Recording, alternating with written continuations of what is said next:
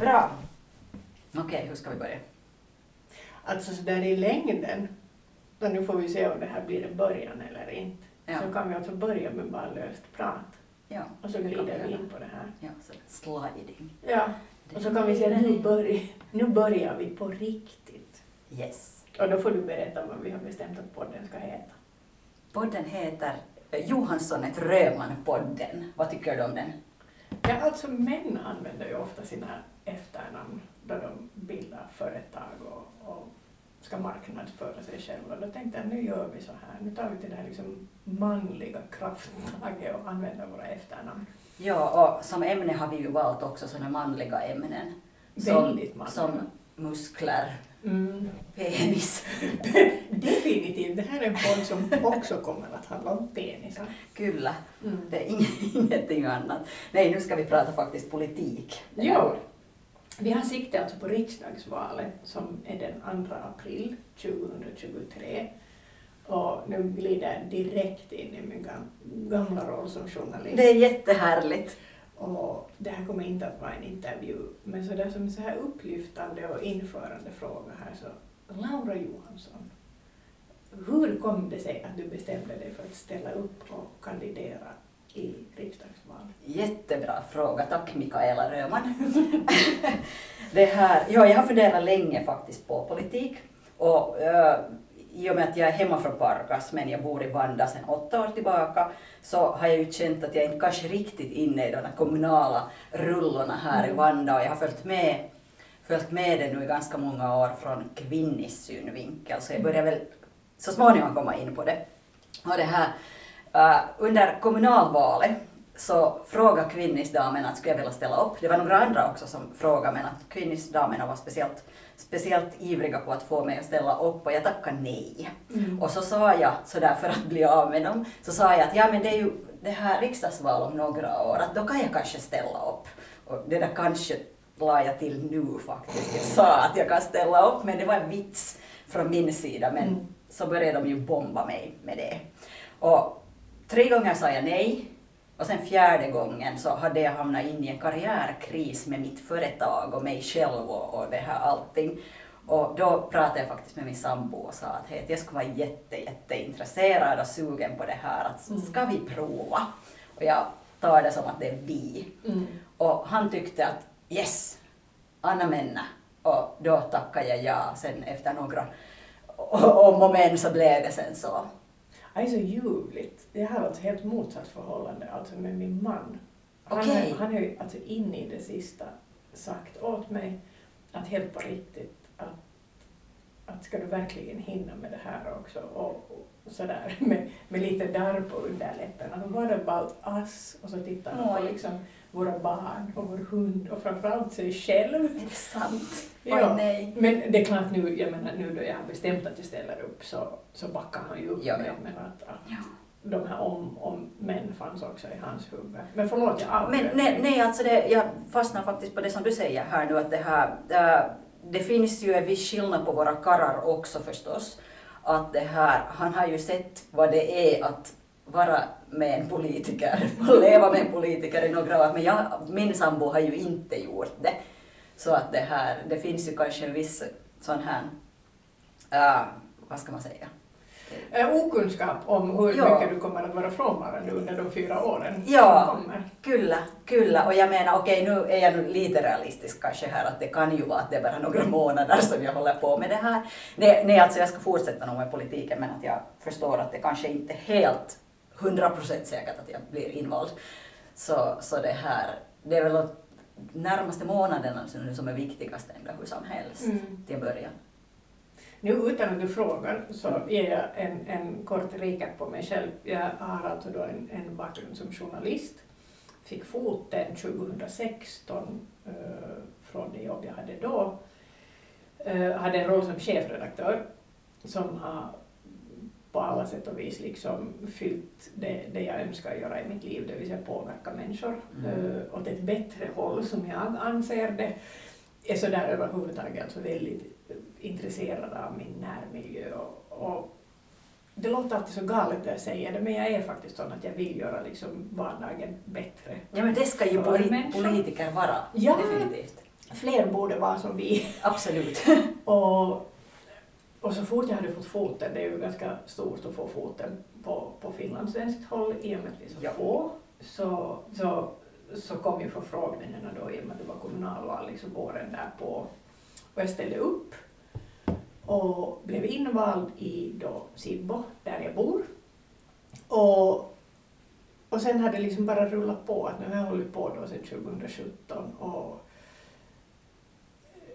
skulle ju kanske själv anse att jag är en lokalpolitiker ut i fingerspetsarna. Men Mm. det är ju det då man är liksom insyltad så ser man hela tiden nya områden som, som behöver ett lite mer humant tänk. Ja, ja, så du är inte ute efter makt? Nej, alltså faktiskt inte. Jag, jag, jag inleder, inleder ofta diskussioner eller mina egna inlägg med ett, att jag är fullständigt ointresserad av makt. Och, och har funderat ganska mycket på det, att vad är det för signal jag sänder då? Mm. För, för jag menar det att, att, att ha en position där man kan uträtta saker, det är ju att ha makt. Men makt är förknippad med så mycket negativt och, och jag skulle hellre då vilja säga att jag är mer intresserad av att samarbeta med människor som tänker som jag och vi Yes. för att det ska bli bättre.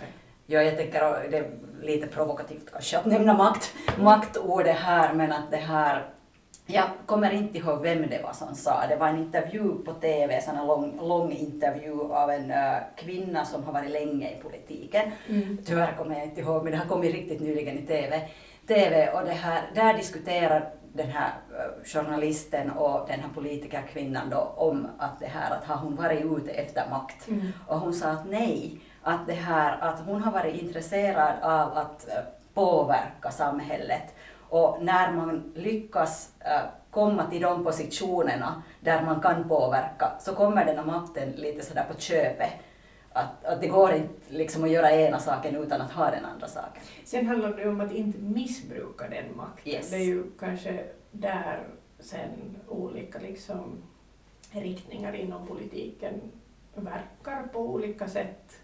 Och, och då landar vi alltså på värderingar som vi också kommer att komma in på. Men, men just det där att, att hellre se liksom ett, samarbete tillsammans med människor som just delar värderingarna med en. Så, så då tycker jag att det handlar om att liksom maxa den makt man har, men på ett positivt sätt. Ja, jag håller fullständigt med där faktiskt. Jag är ju alltså obunden, ställer upp på SFPs listor och det här med obunden har ju varit en käpphäst, alltså framförallt i riksdagsval, för att det, det är ju många som tycker då att jag inte riktigt bekänner färg. Mm. Men för mig som alltså journalist, jag har också jobbat på YLE och där är det ju alltså så ute i fingerspetsarna viktigt att man är opolitisk. Ja, man får inte vara politisk på något sätt och så ska det också vara.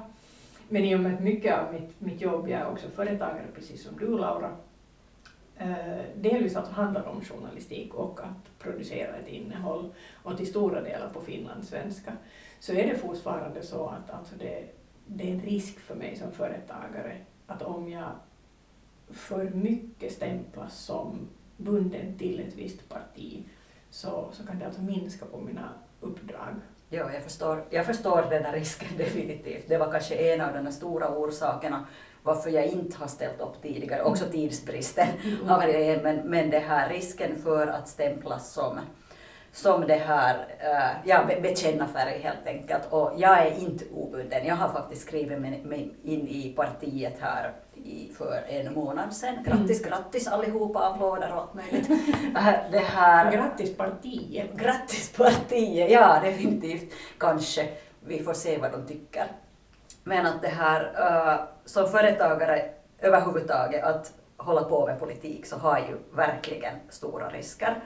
Och att det här, vi, vi som båda jobbar med kommunikation på, på olika sätt så, så det här, ja, enkelt, enkelt så blir vi ju stämplade helt enkelt som, som det här politiker, vilket inte kanske har så positiv, positiv klang bland företagarna eller Vilket- kunder. Ja, vilket är ganska roligt att, att räknas vi då som oproffsiga, vi skulle börja liksom köra någon agenda i Mm. smyg. Och, och det är nu alltså bara nu här medan tankarna flödar fritt slår mig att är det här ett problem också för manliga företagare?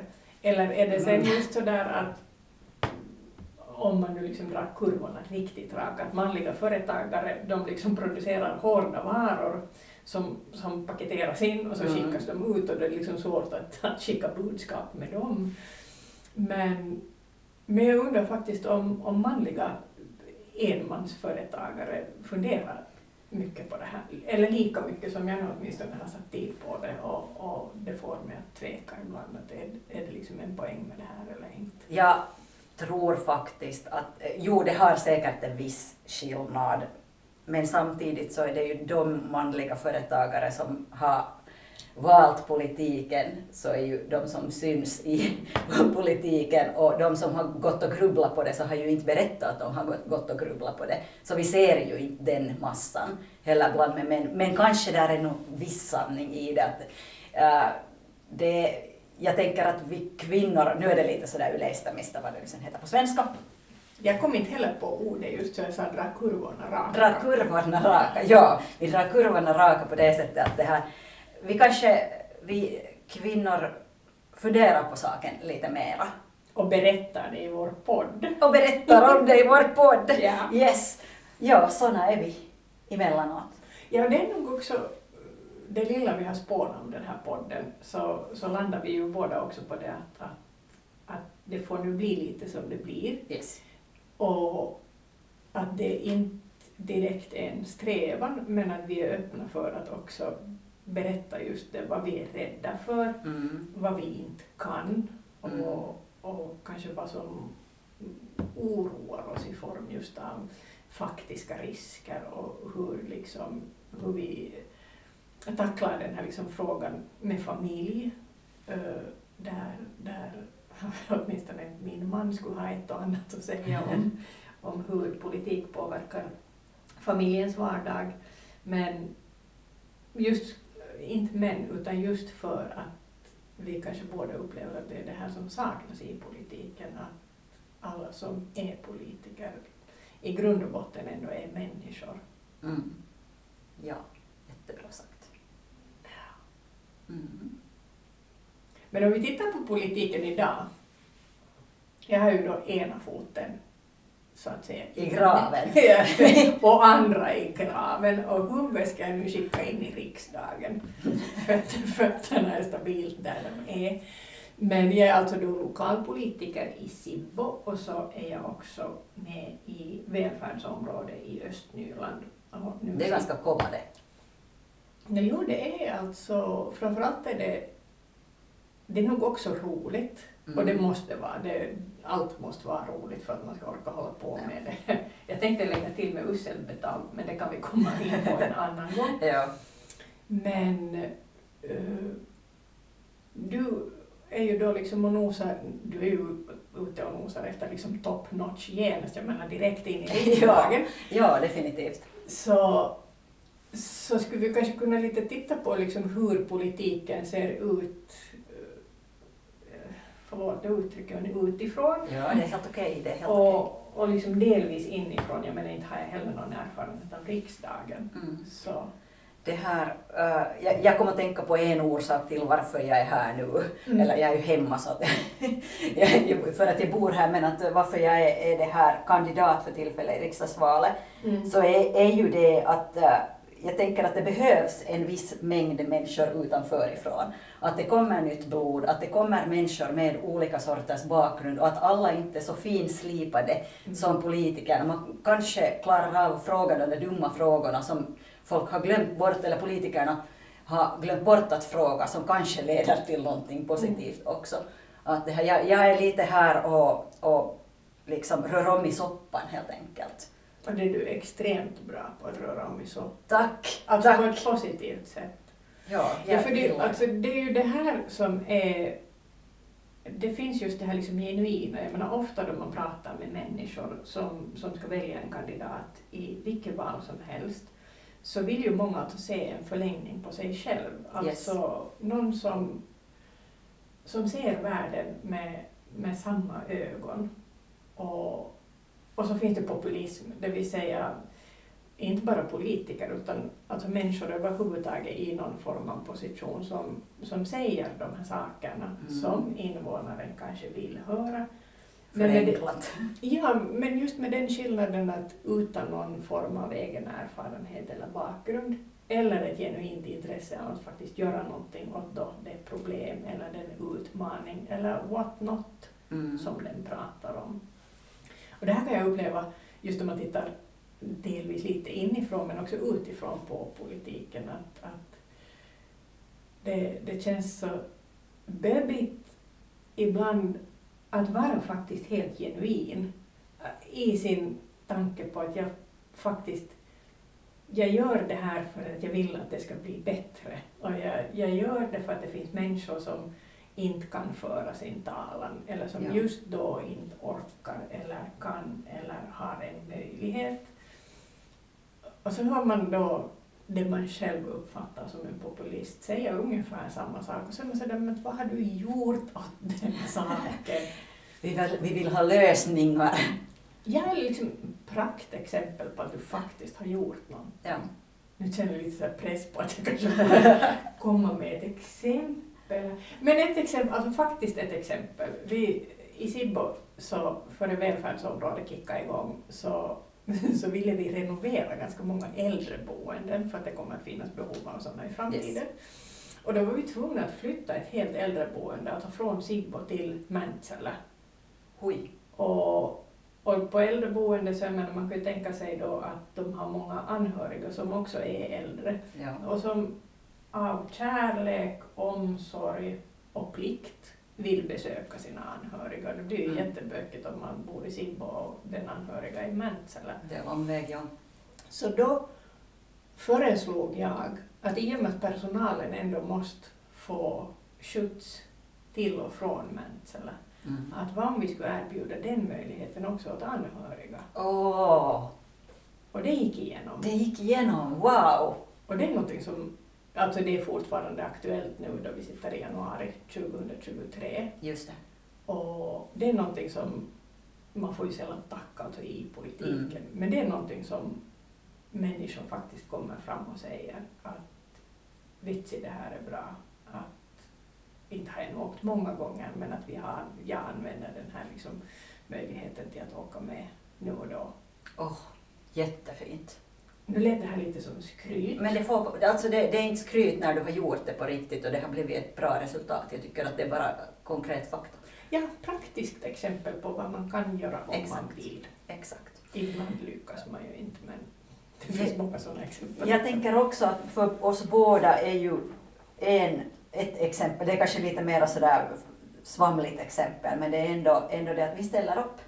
Mm. Vi ställer upp i valet och vi är villiga att göra det för att det, det är inte något jättesjobb har jag förstått att vara, vara det här riksdag, riksdagsledamot. Inte att vara kandidat heller alla In, gånger. inte att vara kandidat heller. Jag fick faktiskt första, jag fick min, eh, det här, en insändare publicerad i Helsingin Sanomat här i förra veckan. Mm. Och det här, eh, det var någon som gratulerade mig att nu har du blivit riktig politiker. När jag fick första textmeddelande som innehöll höll någon sorts Guds ord och, och det hade hänvisat till den här eh, insändaren då och sen var det något nå svammel kring, det var ingen, inget fel med kyrkan men det, det var mycket, mycket konstigt, konstigt. Men jag fick textmeddelande från en främmande människa som hänvisade till, till den, här, den här grejen, insändaren. Välkommen med Tack, i gänget. Tack! Ja, jag känner mig som en Nu riktig politiker. Ja, nu finns jag, nu finns jag. Det här. Ja, och faktiskt nu vill jag ta upp en sak som jag är faktiskt rädd för. Någonting som jag är riktigt, riktigt rädd för. I och med att jag är företagare så har jag ju liksom värpt ut mitt telefonnummer och mina kontaktuppgifter på många olika ställen på webben. Mm. Och de finns där fortfarande. Välkommen bara att påminna mig om ni vill. Så det här, uh, vad händer när jag börjar predika högt om de här sakerna som jag tycker att är jätteviktiga och, och det här till exempel uh, extremister hittar mig. Vad heter det på finska maalitta, på svenska maalittaminen? Finns det ett Nu, ord för det? nu kommer jag åtminstone inte på det, men det vill säga att, att nu blir liksom mål för Ja. eh, en eller fleras åsikt Ja.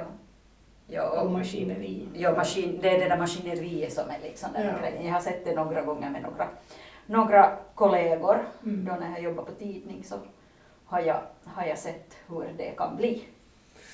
Ja, alltså jag har funderat på det.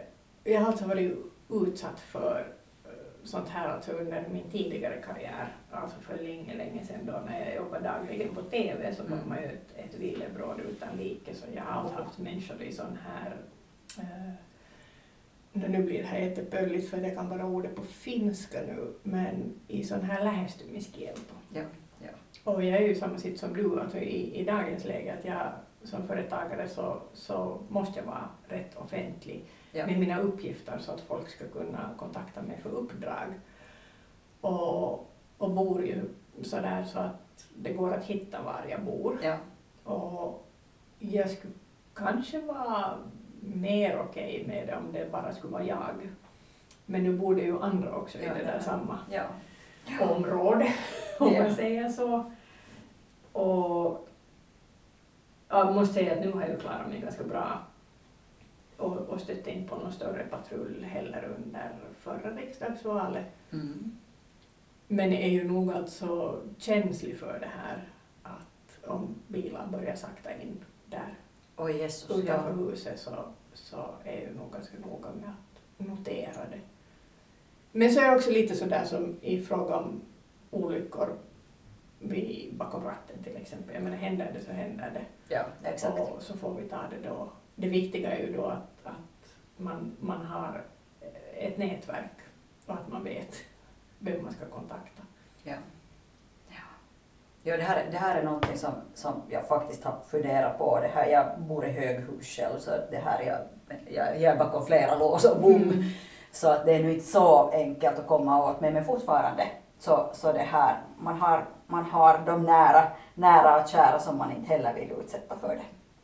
Ja, och jag menar fast det inte skulle vara något hemskt liksom, direkt farligt, men överhuvudtaget det här med att men människan också i ung ålder kan vara så oerhört ond Mm. mot andra att vet du, ens barn får höra talas om en i, i skolan eller att din mamma det ena eller din mamma det andra. Det har ju inte hänt. Jag menar Sibbo är en ganska liten och trygg kommun ännu. Ja.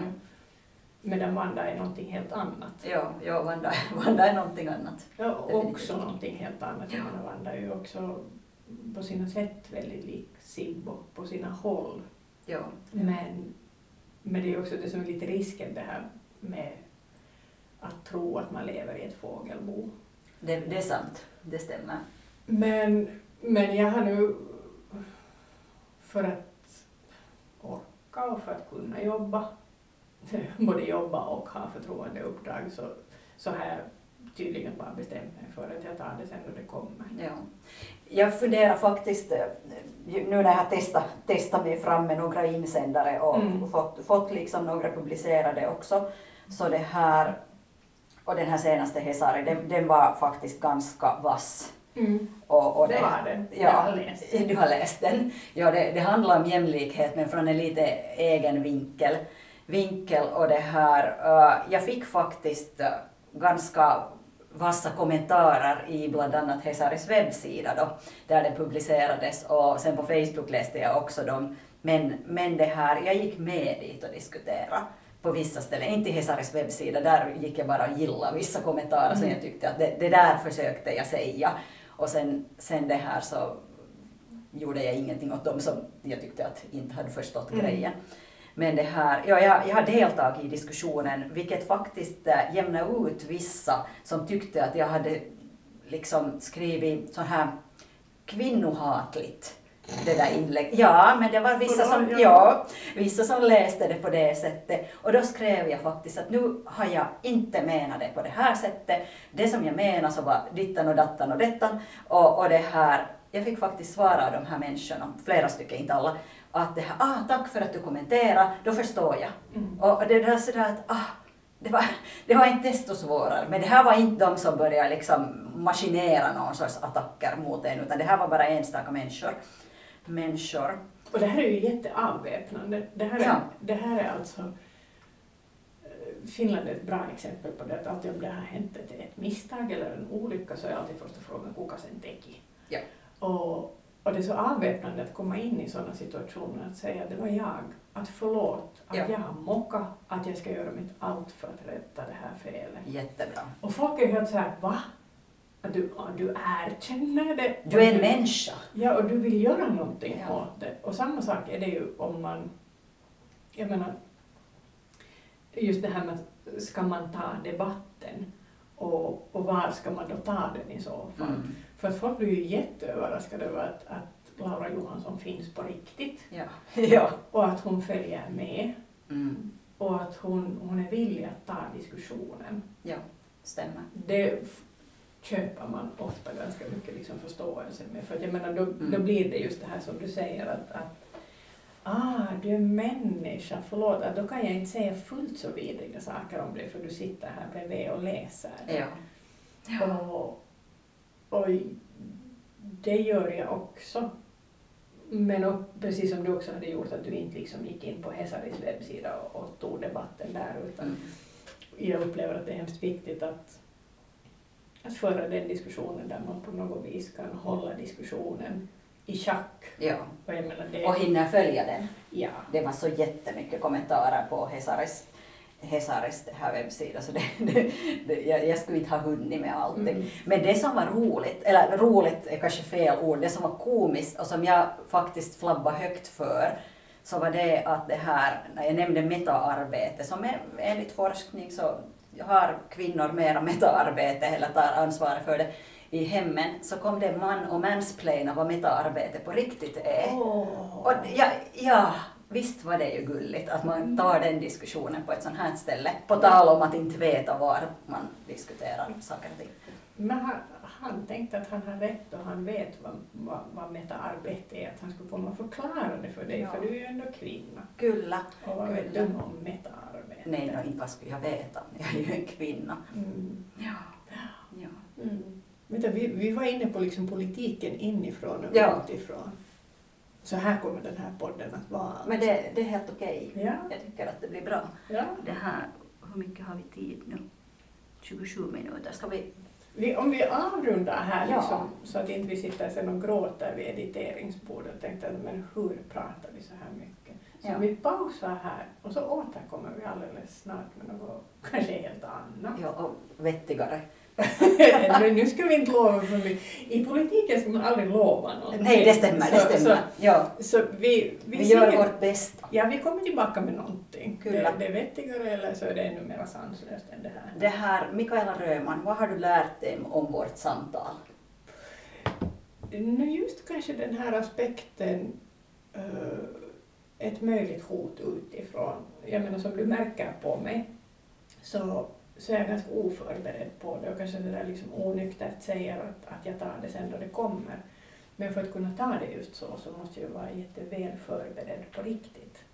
Det stämmer. Du själv då? Vad tar du med dig ur den här podden? Jag tar med mig ur den här podden kanske det där som du har... Nu tappar jag tråden helt och hållet. Det är helt okej. Ja. Kanske jag inte lärde dig Nej, jag, jag lärde mig men jag har ju glömt bort det redan. Jag, jag tar, bort min, tar med mig min glömska helt enkelt och så tar vi nya, ny, ny fart med nya podden. Kanske, kanske vi lär oss någonting i nästa podd också. Ja, vi hoppas på det. Ja. Yes. Det här det var Johansson Röman-podden den här gången. Tack.